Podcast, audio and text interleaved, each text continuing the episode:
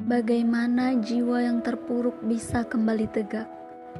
Bagaimana air mata yang bercucuran berganti kebahagiaan? Bagaimana bisa mengikhlaskan tanpa melupakan?